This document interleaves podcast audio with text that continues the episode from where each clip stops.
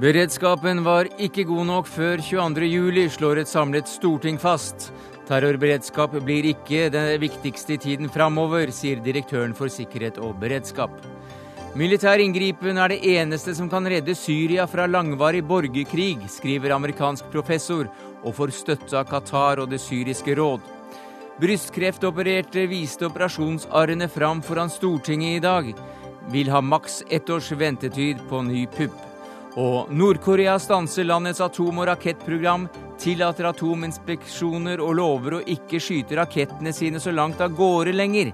Hva i all verden er det som skjer i verdens mest lukkede land?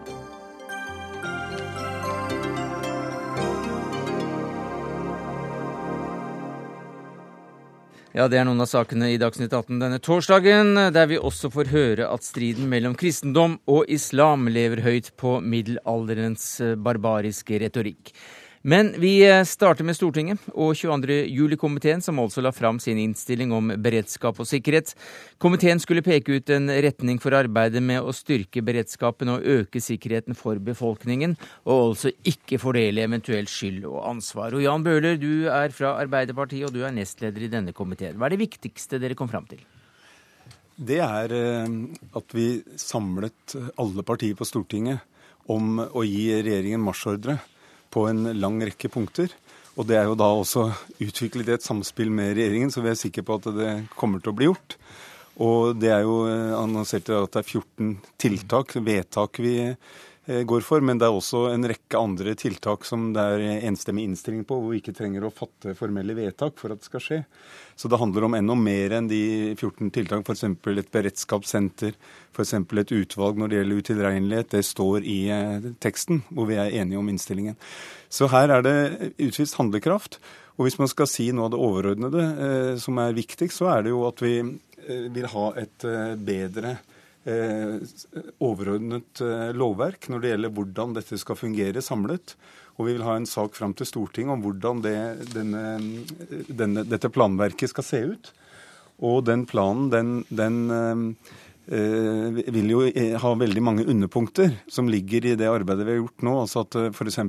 bistanden mellom politi og forsvar må fungere bedre. Altså Når politiet trenger bistand, så må de gi signal fort, og så får heller Forsvaret mobilisere opp. Og så kan de eh, se hva de trenger å bruke, men man må ikke vente med å mobilisere og gi beskjeden, sånn at det ikke går spilt noe tid i, i situasjoner som kan være svært akutte. Mm. Anders, er, jeg må nesten gå til ja. sidemannen som du stadig henvender deg til her, ja. nemlig Anders Anundsen, stortingsrepresentant for Fremskrittspartiet, også da medlem av komiteen. Hva er det viktigste dere kom fram til etter deres mening? Det viktigste er at vi har gjort det komiteen egentlig var satt til, nemlig å identifisere en del sikkerhetshull mm. som vi kan bidra til å tette. Og det har komiteen nå konkret gjort på 14 14 vedtakspunkt. Hvilke punkter er det du trekker fram som, som særlig viktige? Jeg syns faktisk det er vanskelig å si no, at noe er viktigere enn noe annet, fordi dette dreier seg om veldig forskjellige typer ting. Uh, alt, alt, fra? Alt er veldig viktig. Alt fra samarbeid politi og forsvar, som vi har sett som en utfordring ved at det tok syv og en halv time fra politiet fra hendelsen til politiet ba om eh, bistand fra Forsvaret til vakt og sikring, eh, til kommunikasjon mellom nødetater, 110, nei, unnskyld, 112, Eh, helikopterberedskap. En rekke forhold her som eh, er berørt som er veldig viktige. Og Fremskrittspartiet er veldig stolt av eh, at vi har klart å få til dette sammen med alle andre partier. Det er syv forskjellige partier med helt ulike utgangspunkt. Litt overraskende? Ja, skal jeg være ærlig så syns jeg det er overraskende. Fordi at det var mange som hadde fryktet at dette ikke kom til å resultere i noe konkret når denne komiteen ble satt ned. Eh, men underveis så har samarbeidet i komiteen vært veldig bra, og både posisjon og opposisjon har strukket seg langt for å finne fram til gode løsninger som passer bra for alle partier. Og løsningen, og nå er resultatet også at vi har 14 konkrete handlingspunkt, i tillegg til at vi er enige om en rekke føringer i innstillingen. Men er dette egentlig en stortingskomiteens eh, arbeid, dette? da? Skulle ikke dette vært i et eller annet direktorat, f.eks., Bøhler?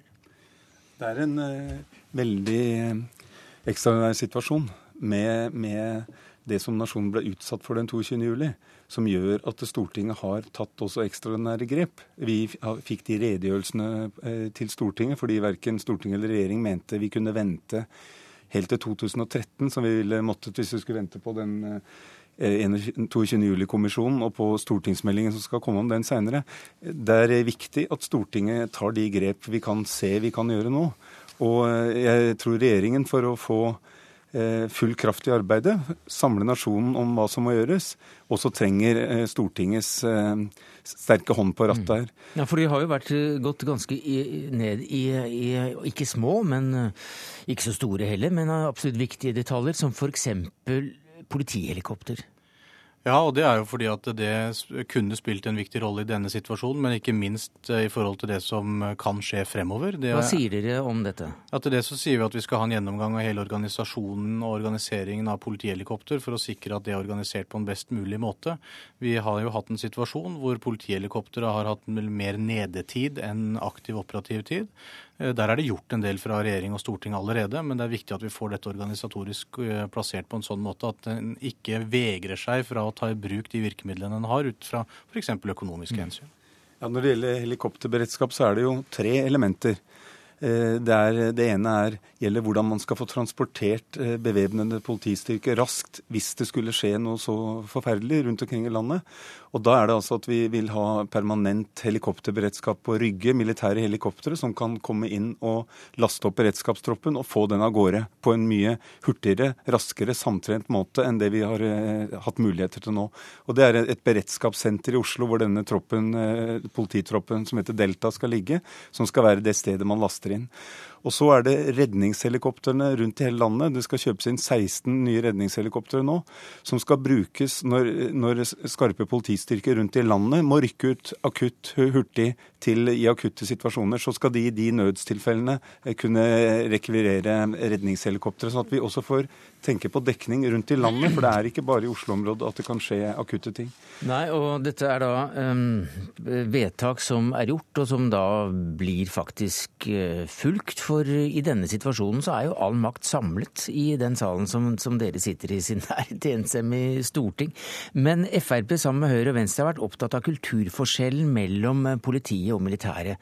Uh, sier dere noe om hvordan det kan løses? Ja da, og det er jo et enstemmig forslag som ligger til grunn i innstillingen også på det området, hvor en skal informere politiledere om at terskelen for å be om bistand bør reduseres, i den grad det er en sånn terskel. Og noen av oss har jo ment at det kan være tilfellet. Eh, så det er eh, en veldig bred komitéinnstilling som eh, favner veldig mange områder. Og jeg tror det er viktig å understreke betydningen av det som faktisk skjer. Fordi Én ting er det som skjedde 22.07. og den store innsatsen som mange ytte da.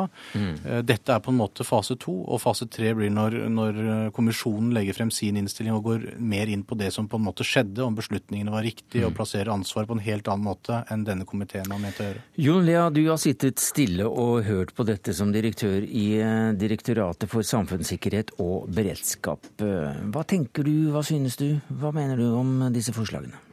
Jeg tror for det første at det er uh, veldig fint uh, for Stortinget og for den norske befolkning at de har blitt enige uh, om disse tiltakene.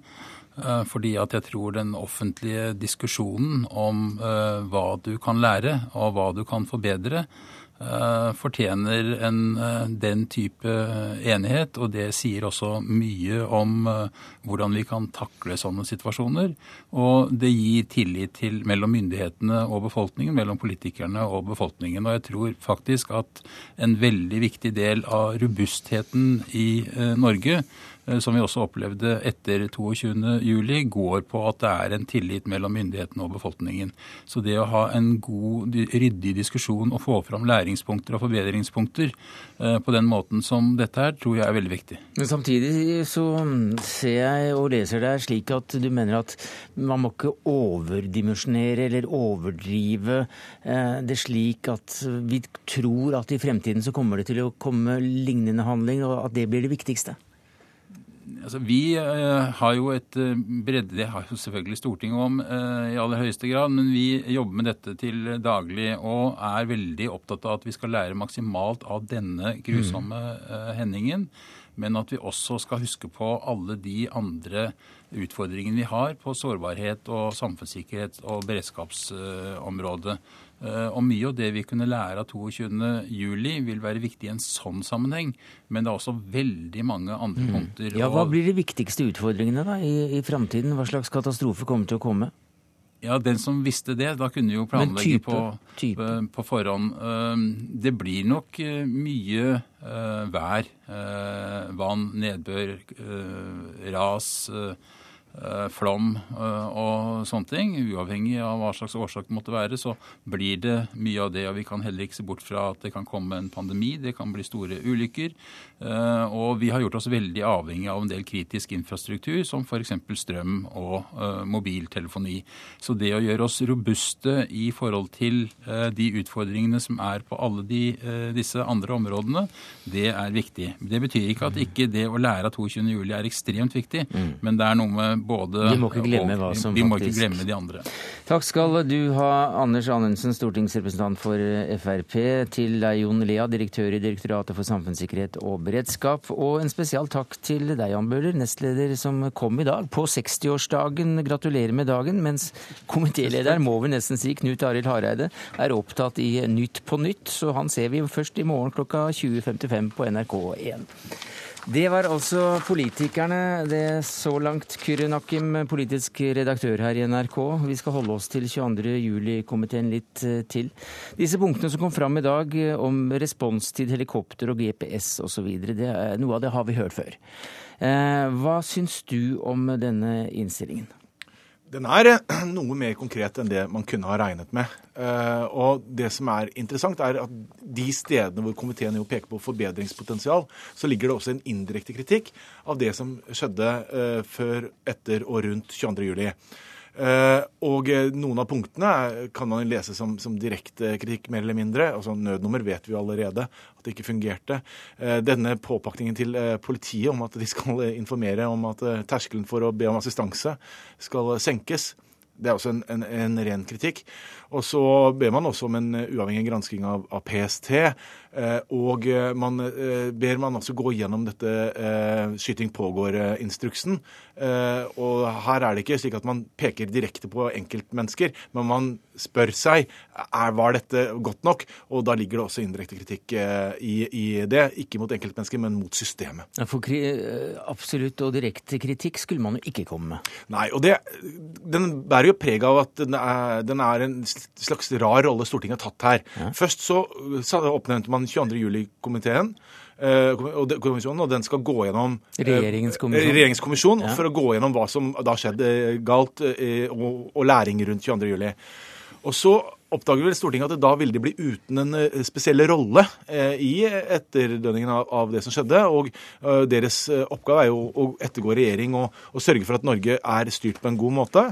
Eh, så Derfor så kom disse høringene, og eh, at man oppnevnte 22. juli-komiteen, slik at Stortinget tiltok seg en rolle som kanskje kunne komme i konflikt med 22. juli-kommisjonen. og Derfor har man holdt litt tilbake, samtidig som man ønsker å vise at Stortinget skal også være med på dette arbeidet. Ja, for Du var tidlig ute og, og sa det var eh, litt pussig, eller hvilket ord du brukte, at Stortinget så til de grader hadde overlatt initiativet til regjeringen med regjerings, den regjeringsoppnevnte kommisjonen. 22. juli-komiteen til Stortinget ble også et svar på dette? Ja, Det ble et svar og et, et slags et prøvekompensatorisk tiltak for at Stortinget selv ikke satte seg selv i, i førersetet. Mm. Um, og nå får vi en, en, en sannhetskommisjon, 22.07-kommisjonen.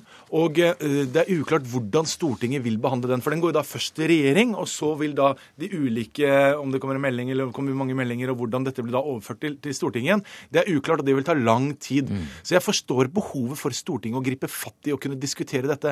Men samtidig ser jeg at mange av de løsningene de kommer fram til nå, det er løsninger som én er avklart med regjeringen, altså at de aksepterer at dette kommer. Og to, det er ting som som regjeringen allerede har startet på. Og så får Stortinget muligheten til å, til å skjerpe inn, til å stramme til akkurat der de vil det. Så, så sånn sett så har det en effekt. Takk skal du ha, Kuri Nakken, politisk redaktør i NRK.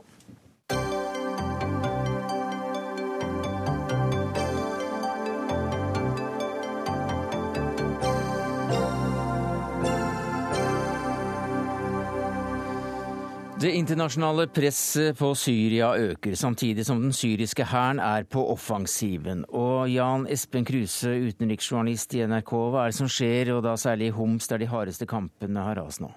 Ja, Fra denne bydelen som har vært omringet og bombardert i 26 dager, så har opprørerne i dag trukket seg ut. Eh, de kaller det en taktisk tilbaketrekking, eh, men sannheten er vel at de har blitt nedkjempet, da. Eh, I hvert fall presset ut av den syriske regjeringshæren som har overtatt området. Ellers så sier Røde Kors at de har fått løfter om å få slippe inn i denne hardest bombede bydelen av Homs i løpet av morgendagen. Er det noe nytt om, eh, om FNs spesialutsending eh, Kofi Annan skal få lov å, slippe inn? Ja, eh, han sier at han skal først til Egypt og så i løpet av neste uke til Damaskus.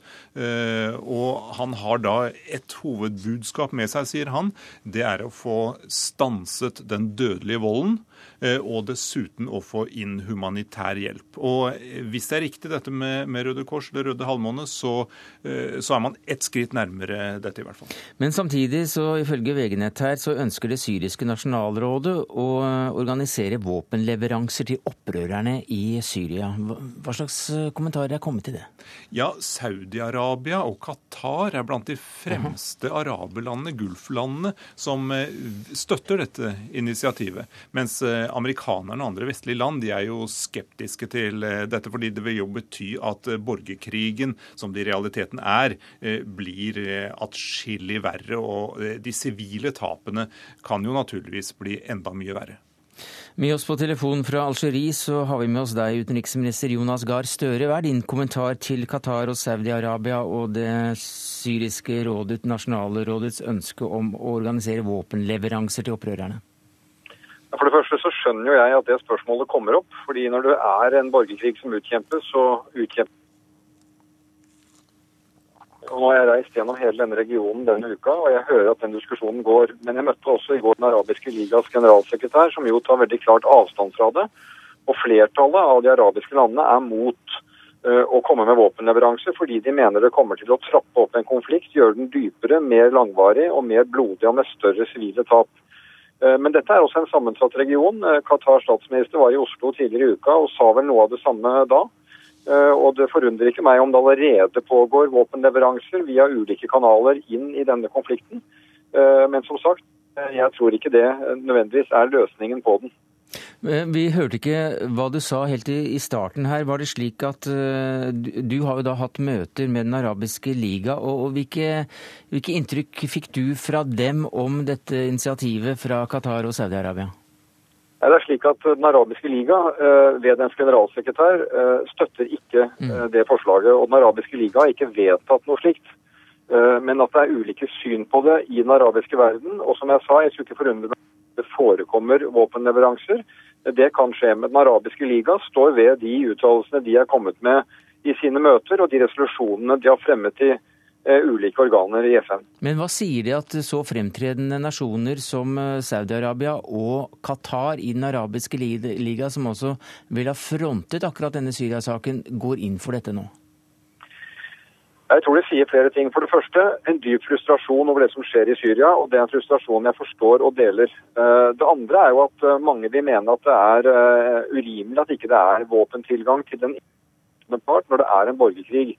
Men det sier også, tror jeg, noe om at denne konflikten har nå dimensjoner utover Syria. At det er land på utsiden som ønsker å markere seg på den syriske slagmarken.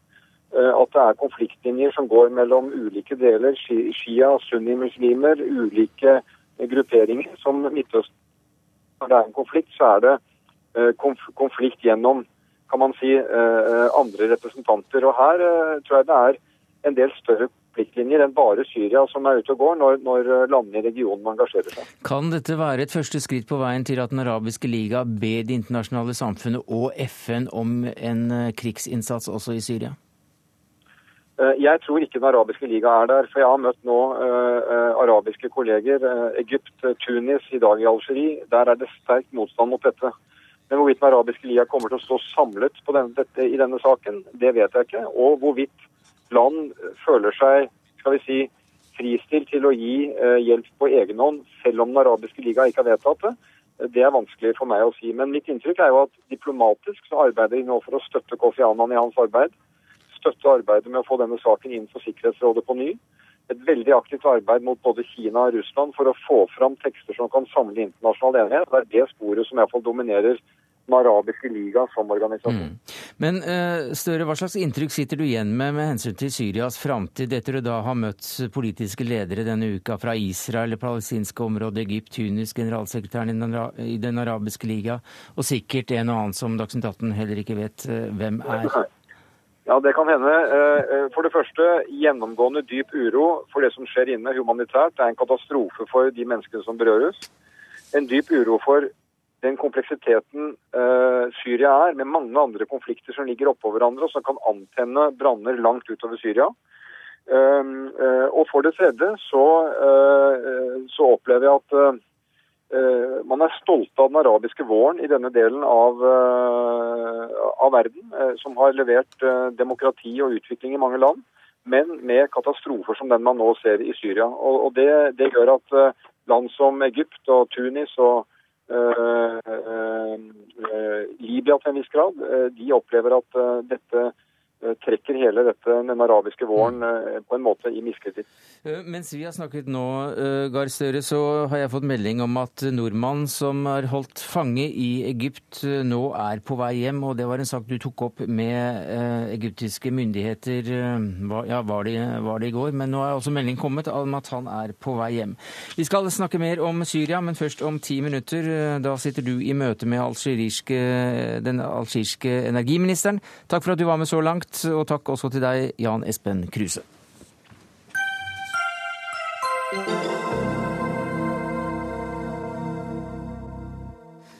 Vi skal holde oss eh, i området, så å si, for en kurder som døde i Damaskus i 1193 i Syria, har fått sine egne dager i Oslo på fjerde året.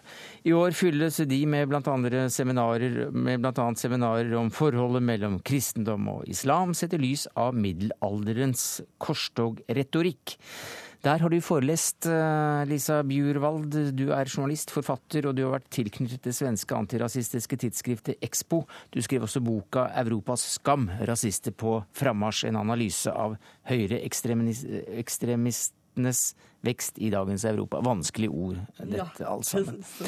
Hvordan slår denne korstogretorikken gjennom i dagens debatter, mener du? Mm. Det gjør den jo veldig mye, va? at att de anvender sånne høyrepopulistiske partier eh, en veldig dramatisk og krigisk retorik der man prater om at Europa holder på å islamiseres, og barbarene er på inntog, og hindrer hindrar vi ikke det her enorme eh, muslimska barnafödandet och deras koloniala försök att ta över då kommer det snart vara för sent och så vidare.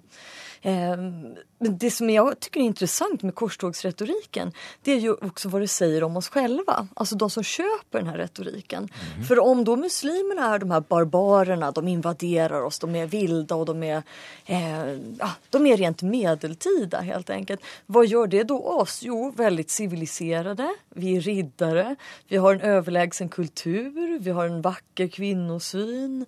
Eh, allting blir ju varandras motsatser så att säga. Så att man kan verkligen förstå varför det är lockande att men, köpa den här retoriken. Men hvor er det du ser den i dag? Ja, överallt skal jag säga. På nätet, hos politiska partier, Aha. militanta grupper. Eh, det är allt från personer som Gjert Gert Wilders som har en otrolig maktposition i Nederländerna och partier som Sannfinländarna, Dansk Folkeparti, Sverigedemokraterna och så vidare till militanta grupper på gatorna som English Defence League. Men vi alle som er politisk eh, korrekte, mer eller mindre, ja. påvirkes vi av dette? Det gjør vi absolutt. därför att man får komma ihåg at denne typen av retorik som er så extravagant om man säger så, så oerhört dramatisk. Mm. Den skulle ju aldrig få genomslag om det inte var för de vanliga dagliga bilderna som vi får av muslimer och konflikter i muslimska länder.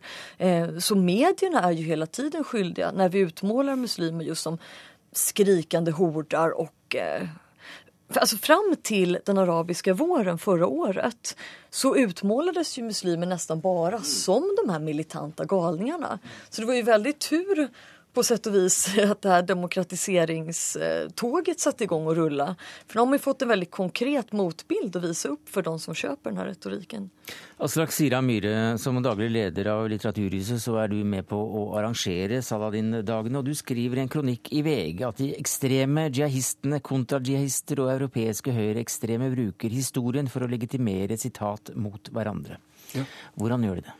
Det som er veldig interessant, er at uh, i akkurat det tilfellet her i forhold til korstoga, så er, kan du se det som et slags speil. Altså, uh, Korstoget kom en periode hvor uh, både i kristenheten og islam så er oppfatningen at det er en evig krig mot hverandre. Da kan man si at Siden korstoget utspiller seg primært i Midtøsten, i Jerusalem, så er jo det kristne aggressorene i dette, eller europeerne aggressorene. Men forestillingsverdenen er at dette er en evig krig mellom to sivilisasjoner.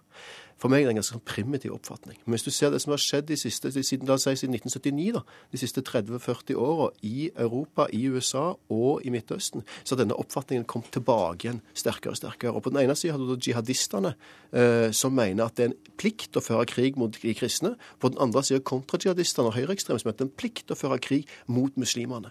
Og Til sammen så, så omfavner de egentlig det samme verdensbildet. Altså forestillingen om evig kamp, evig konflikt, evig motsetning. Og i bånd for dette, og det er noe av det viktigste vi prøver å undersøke her på, på, under Saldidagen i år.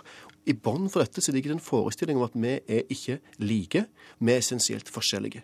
Den kristne kulturarven, den kristne kulturhistorien, kristenheten, er noe helt annet enn den muslimske Midtøsten, araberne. Vi har vi har, og det kommer til uttrykk på mange måter. F.eks. påstanden om at Innenfor islam er det ikke mulig å ha vitenskap, ikke demokrati, ikke kvinnefrigjøring. Eh, det går ikke an å ha likestilling osv. Hva sier den påstanden? Den sier at det vi kan få til hos oss, det kan ikke de få til der. Fordi at de er muslimer. Gerald? Mm. Ja men det handler også om en avhumanisering. Alltså man kaller jo i dag islam for eh, det er en ideologi, det er ikke en religion. Mm. Det er vår nye fascism. Så, så prater de her högerpopulisterna. Alltså, det er eh, vår tids fascism som måste motarbetas innan vi ser noe liknande förintelsen. Men nå er det de hvite europeerne som skal förintas. Så det handler om å ta bort alt det menneskelige mm. eh, og, og ikke ens låta dem ha kvar sin religion så att säga. Och sen prater man då just om det här muslimska barnafödandet att det kommer finnas si och så många miljoner muslimer i Europa. Men då menar de alltså att man aldrig eh, blir europe utan man är alltid muslim. Så om en muslim idag får ett barn, barn, barn, barn så kommer den mm. fortfarande mm. bara betraktas som muslim. Så det er jo raselig tenkende i grunnen også. Men hvordan trekkes da selve korstoghistorien inn i, i dagens eh, retorikk? Det, altså, det, mest ekstreme finner du hos Anders Behring Breivik og for så hos English Defence League og sånne, som rett og slett tar på seg korsfareruniformer ja. og kaller seg Crusaders og så lignende. Men så, finner, veldig, men så går du, men så går du over på nettsidene som f.eks. nettsida Gates of Vienna, som er et sånn viktig samlingspunkt for de som kaller seg islamkritiske, jeg vil kalle de islamhatere i Europa. Hvorfor Gates of Vienna? Jo, for der stoppet man ottomanerne i 1683. Det er altså slutten på krigen. altså Der klarte man det. Man finner symbol der. Et annet sted, Spania, eh, den iberiske halvøy. Reconquista, altså det at man tok tilbake igjen dette fra maurene. Vi snakker om en 300-600 års periode hvor det har vært muslimsk. En ganske lang periode vi snakker om her. Og så ble det tatt tilbake igjen. Det var noe som når jeg var holdt på å si, liten gikk på skolen, så var vi flaue over det. Fordi at det som fulgte med reconquista, det var inkvisisjonen, jødeforfølgelsen, kjetterforfølgelsen osv. Det er ikke et stolt kapittel i vår historie, etter mitt syn. Men noe av det som skjer nå, at man sier yes, vi tok tilbake igjen. Hvis vi ikke hadde gjort det, så ville vi vært mm. Iran. Vi ville vært ligget under en ayatollah. Vi ville vært ødelagt. Vi ville ikke hatt vitenskap. Vi ville ikke hatt noen ting hvis vi ikke hadde klart å vinne disse kampene. Mm. Man måste också säga att sånne sådana här grejer som låter helt befängda hör man ju faktiskt från ledande Sverigedemokrater som sitter i Sveriges riksdag. Eh, och det är ju ett konspirationstänkande. Man kan jämföra med konspirationen om att alla judar har makten över medierna och försöker ha någon slags hemlig maktkonspiration. De styr över pengarna, kapitalet, medierna, allting. Det är judar överallt. Så, så är det ju hos de klassiska nynazisterna.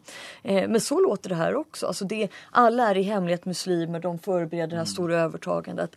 Eh, och eftersom det då finns representerat sådana här korstågsretoriker hos partier som sitter i parlamenten så är det klart att det börjar sippra ner hos så kallat mm. vanligt folk. Det gjør det jo før eller senere. Jeg er helt enig med Lisa. og så er det et viktig poeng at Grunnen til at vi fokuserer på historien, er jo ikke først og fremst for at det skal være et historisk seminar, men fordi at hvis du går til historien, så kan du finne ganske mye. Og Det er ikke noe vanskelig å finne bevis i historien for at det har skjedd myrderier i både islam og kristenhetens navn. Det kan du lett gjøre.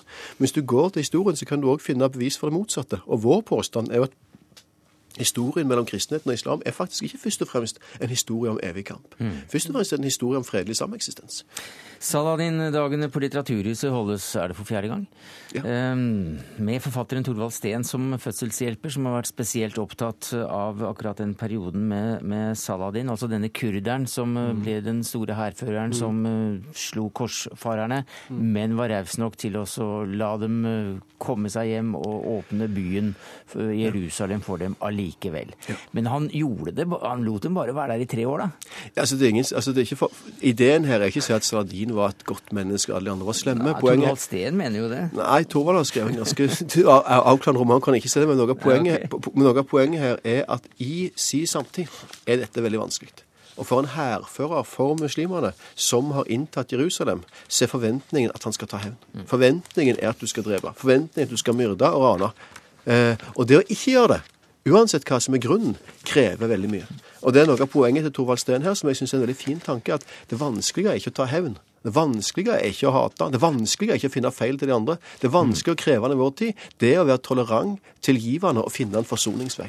Takk skal du ha, Aslak Sira Myhre, daglig leder av Litteraturhuset, nå på nytt åremål, så vi må drasse med deg fram til 2018 i den stillingen. Takk til Lisa Bjurvald, journalist og forfatter.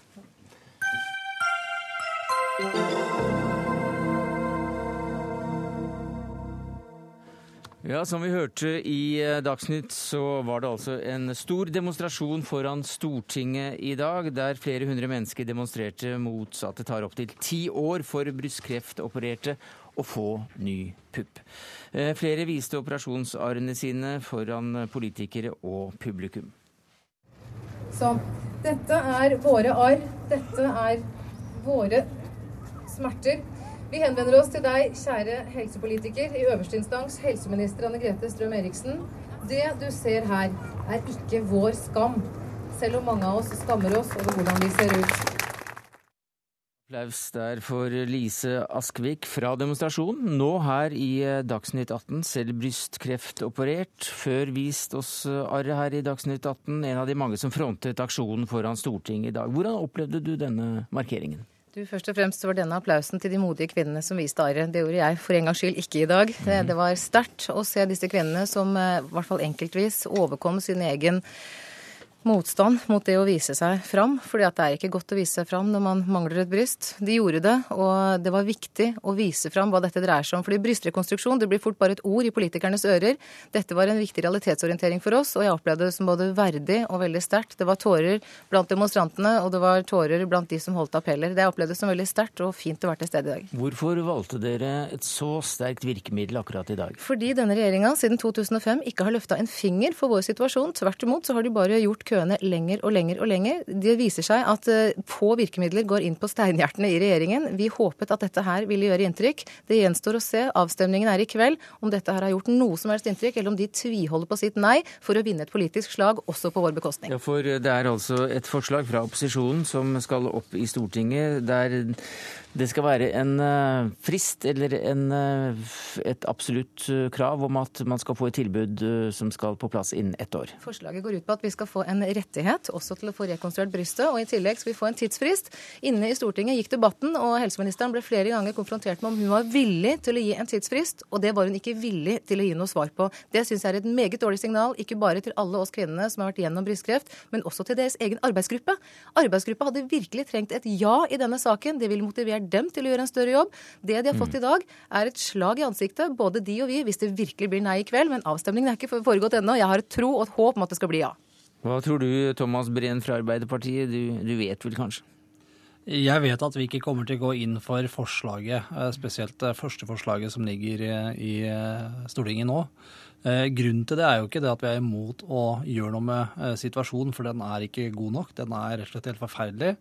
Eh, Vi vet ikke hvor mange som står i kø, men det at eh, kvinner står i kø i årevis Opptil ti år. Ja, det er helt uholdbart. og Derfor har det også vært et arbeid med å få fakta på bordet. Hvordan skal vi løse det? Hvilken kompetanse trenger vi? Hvilke løsninger skal vi gå for? Det får vi om tre uker, når fagrådet kommer med eh, sin vurdering av situasjonen. Da er vi beredt til å behandle eh, saken fort eh, og komme i gang med å fjerne den uverdige køa vi har.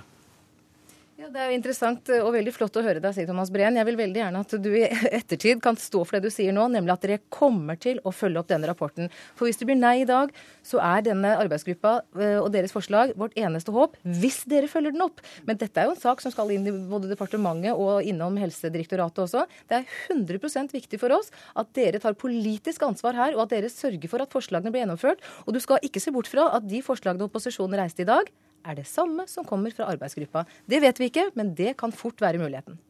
Ja, men da har vi i hvert fall kvalitetssikra de faglige rådene, og det er viktig for oss. Vi ønsker ikke å gi en garanti vi ikke klarer å holde. Det er liksom mm. det, det viktige. Det har vi prøvd, eh, om vi ikke ga en garanti, så har vi i hvert fall prøvd å være offensiv før uten å klare å følge opp. Og det er for dere som nå går og venter på nytt slag i trynet, og det ønsker vi mm. ikke.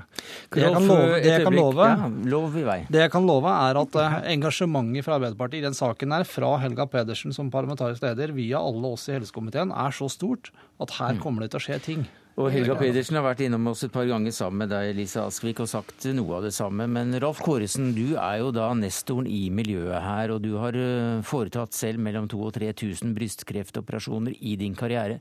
Hedret av kongen for eh, innsatsen. Vi hører her at man venter på faglig eh, rapport for også å gå i gang med virkemidler. Hva tenker du om det? Nei, Dette kunne man ha gått i gang med uansett. fordi den situasjonen som jeg har observert gjennom disse ganske mange år jeg har holdt på med det, er at det blir lengre og lengre ventetider. Litt skyldes det at det er flere og flere som ønsker å få en primærrekonstruksjon og en sekundær. Det gjelder å skille på de to tingene også. Eh, fordi eh, det det er aller mest manko på, etter min oppfatning nå, det er å gjøre eh, rekonstruksjon i forbindelse med kreftinngrepet. Og en tredjedel av de som fjerner brystet i Stockholm, får det nå. Vi er på en måte også blitt verstingen i klassen.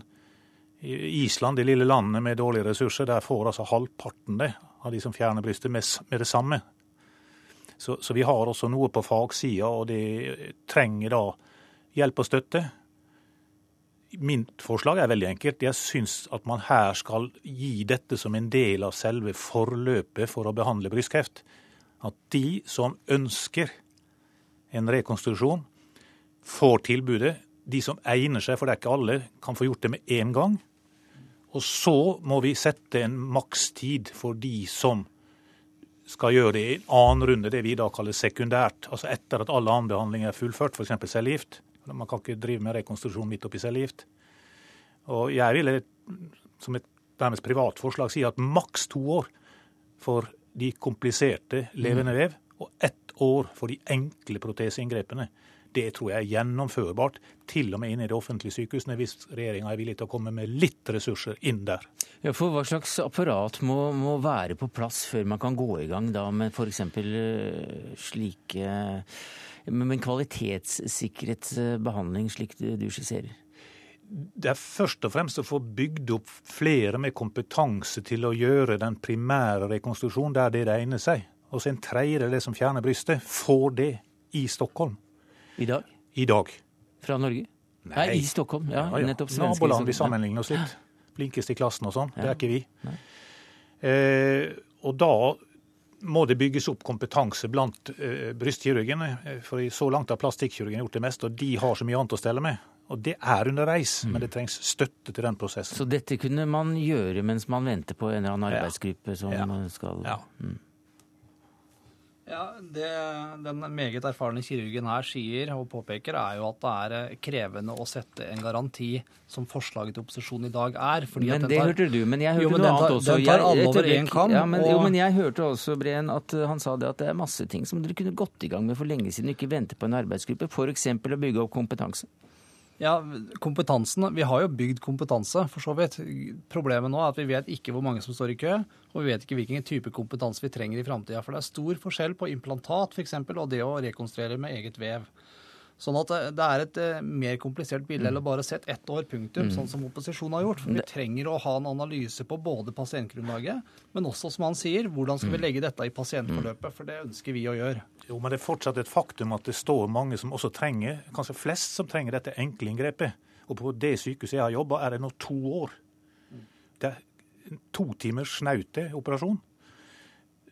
Og det er helt sikkert at det finnes villighet hvis man gikk inn og f.eks. tok en av disse dugnadene og fikk unna noe av den køa. Så det kunne man bare begynne med i morgen.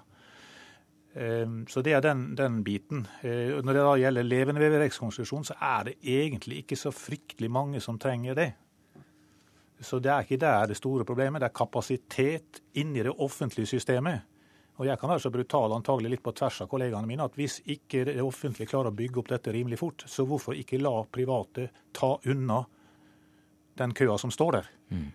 Ja, for Jeg har før hørt eh, Askvik her si at uh, ut fra en undersøkelse går jeg ut fra at det er mulighet for de private å ta unna 2000. Det har det private helsevesen senest i dag bekreftet ved vår demonstrasjon utenfor Stortinget. Mm. 2000 pasienter kan tas bare av de tre største private helseforetakene. Og jeg syns det er glitrende at Breen her sier at uh, de har en arbeidsgruppe og er opptatt av fakta i saken. Men da kunne dere faktisk, Breen, vært så greie at dere fikk rapporten fra arbeidsgruppa deres den 23. mars. Da kunne dere faktisk bare flyttet denne session som har vært vært i dag i Stortinget, til den 24. mars. Da hadde dere hatt kompetansen. Hadde dere da kunnet sagt ja? Eh, vi prøvde faktisk å få med opposisjonen i tidlig forløp i komiteen her om å utsette eh, saken, slik at vi kunne ha det med oss når vi diskuterte den. Det er helt nytt for meg. Nei, det foreslo vi internt i komiteen okay. når vi laga framdriftsplanen, og det var de ikke villige til.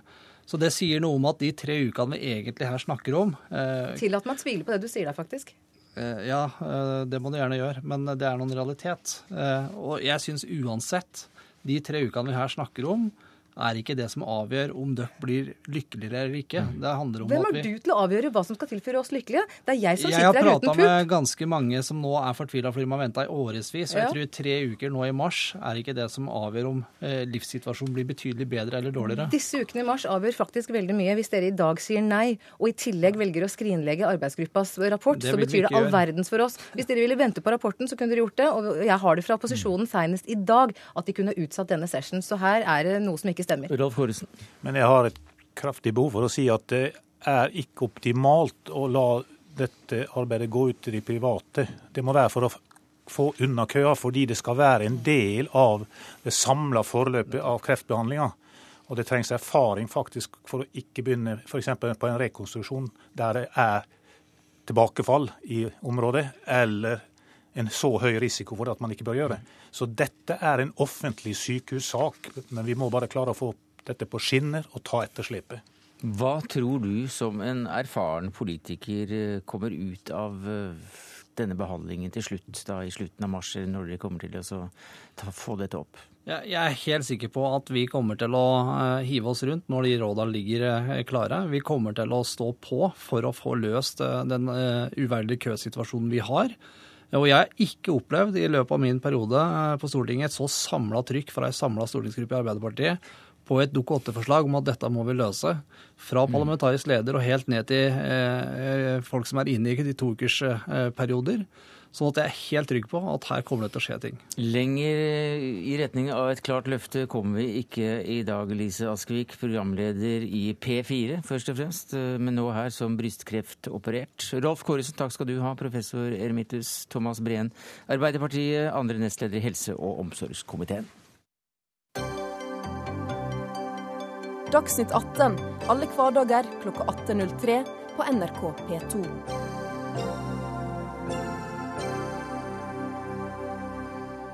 Ja, Vi var altså innom Saladin, korstogene og retorikken, og vi skal tilbake til situasjonen i Syria, men nå i dag. For løsningen fra det internasjonale samfunnet har altså hittil vært eh, diplomati. Men som vi hørte tidligere i sendinga, så tar nå flere til orde for en militær intervensjon. Og Midtøsten-ekspert og direktør ved Senter for menneskerettigheter, Nils Butenschøn, du kjenner Syria godt. Hva er det viktigste du vet, som de fleste av oss andre ikke vet om Syria, men som er greit å vite for å forstå det som skjer? Ja, hvor skal vi begynne? Altså, vi, vi, må ta hvert fall, tror jeg, som et utgangspunkt at Syria er en uhyre skjør statsdannelse og har vært det siden uh, den ble dannet av uh, engelskmenn og franskmenn etter første verdenskrig. Og har aldri hengt sammen egentlig av egen fri vilje, for å si det sånn.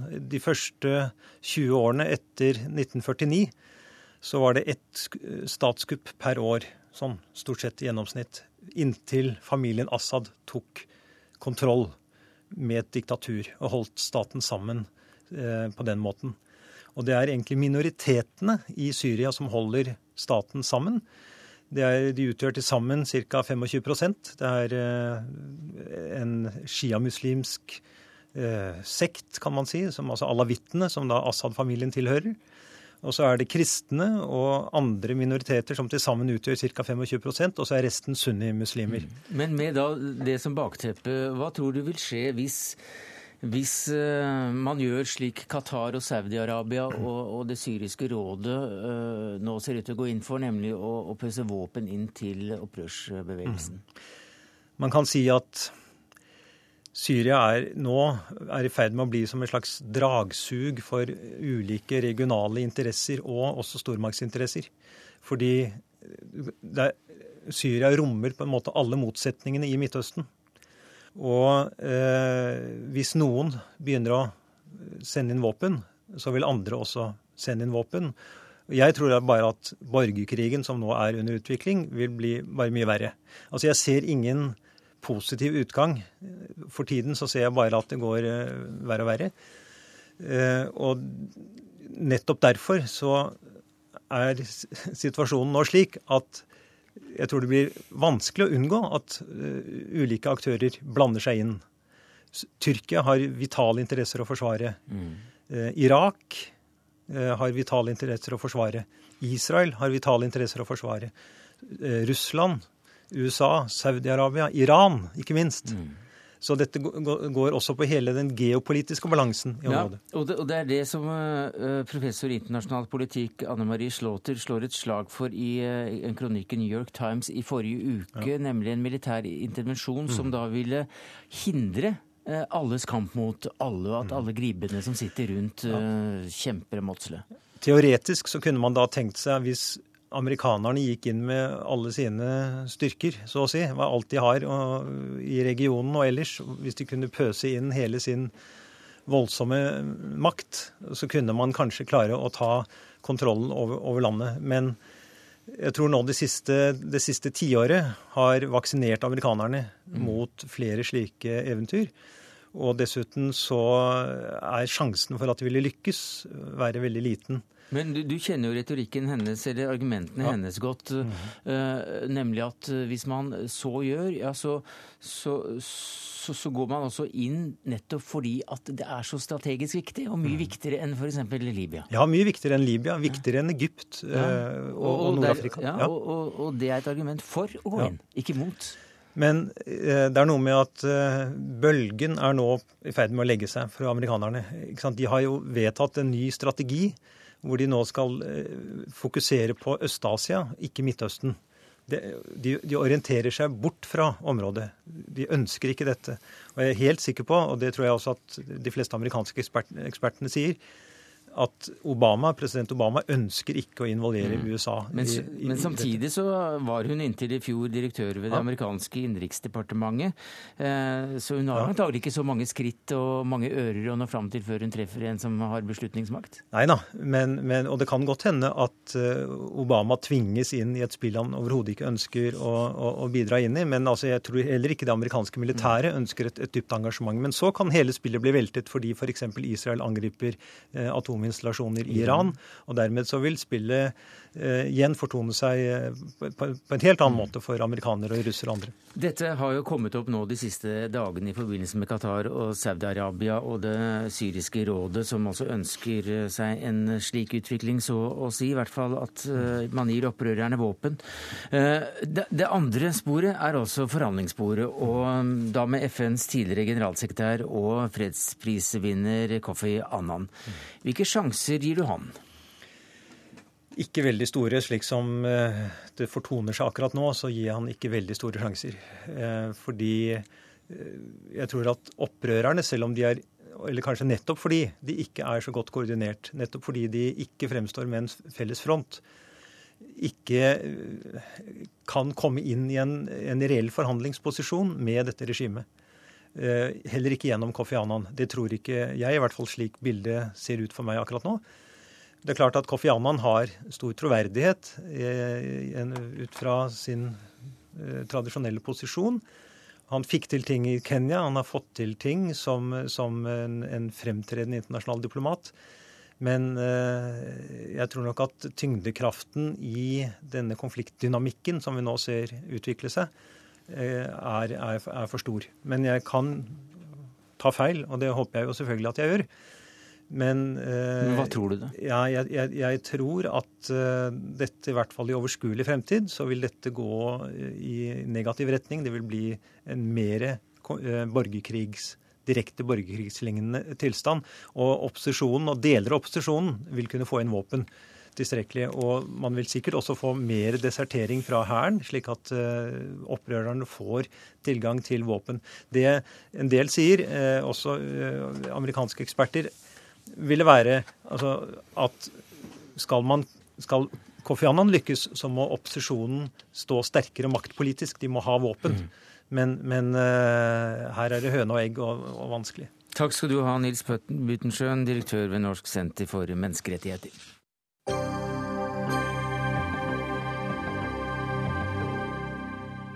Hva i all verden er det som skjer i Nord-Korea nå, Lodgaard?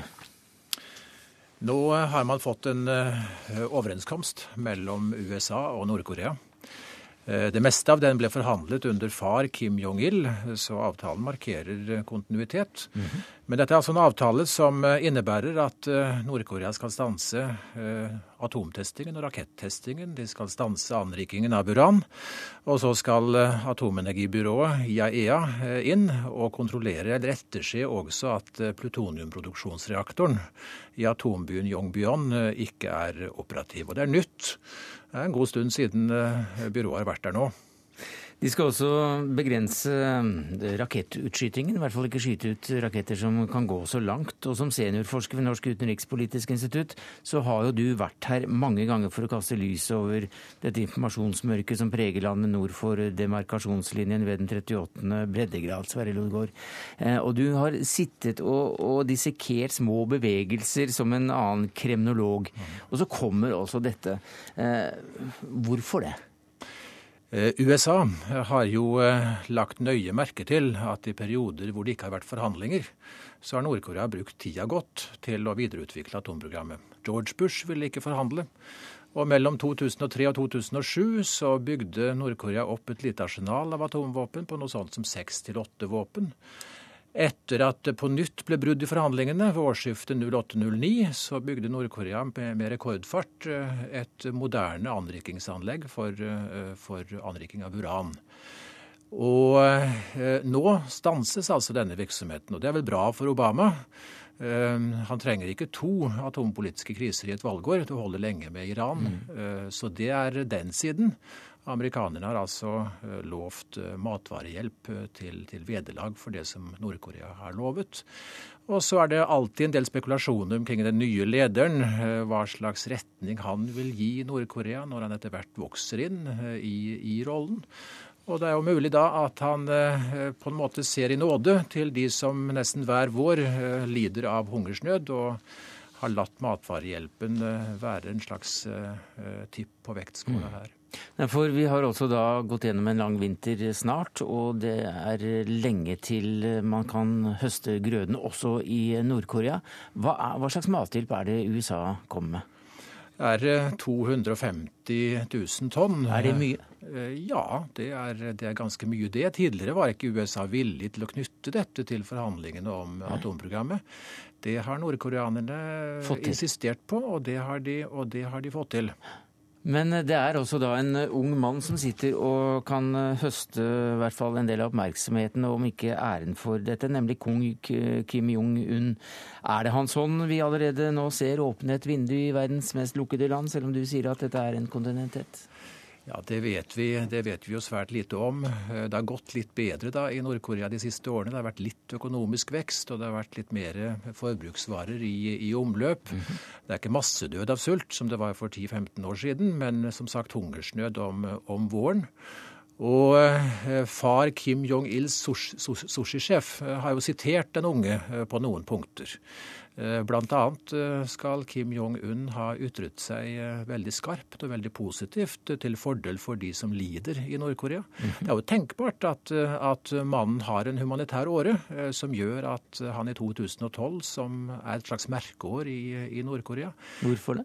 Ja, det er en historisk bakgrunn for det. Det er et slags jubileum, et av veldig mange.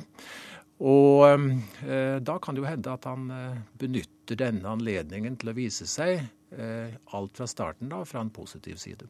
Men allikevel så sier altså ifølge amerikanske utenriksdepartementet eh, at eh, USA på sin side ser dette som et Ser på dette med forsiktig optimisme.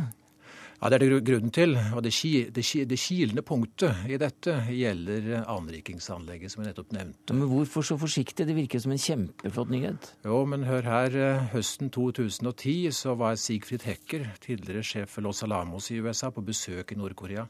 Da viste de ham et anlegg eh, for anriking av uran som var overraskende moderne, og nordkoreanere sa at dette har vi bygd på ett år. I så fall så er det høyst sannsynlig at de har drevet også med anrikingsvirksomhet andre steder i landet eh, som vi ikke kjenner til. Og det kilende nå, hvor vi ikke kjenner underteksten i denne avtalen, er om nordkoreanerne vil åpne opp for all anrikingsvirksomhet, altså innsyn i all virksomhet, eller bare innsyn i dette ene anlegget som vi vet om, i Yongbyon. Takk skal du ha, Sverre Lodgaard, seniorforsker ved Norsk utenrikspolitisk institutt. Det var det vi rakk i Dagsnytt 18 denne torsdagen. Der ansvarlig for det hele var Dag Dørum. Det tekniske ansvaret hadde Finn Lie. Jeg heter Sverre Tom Radøy.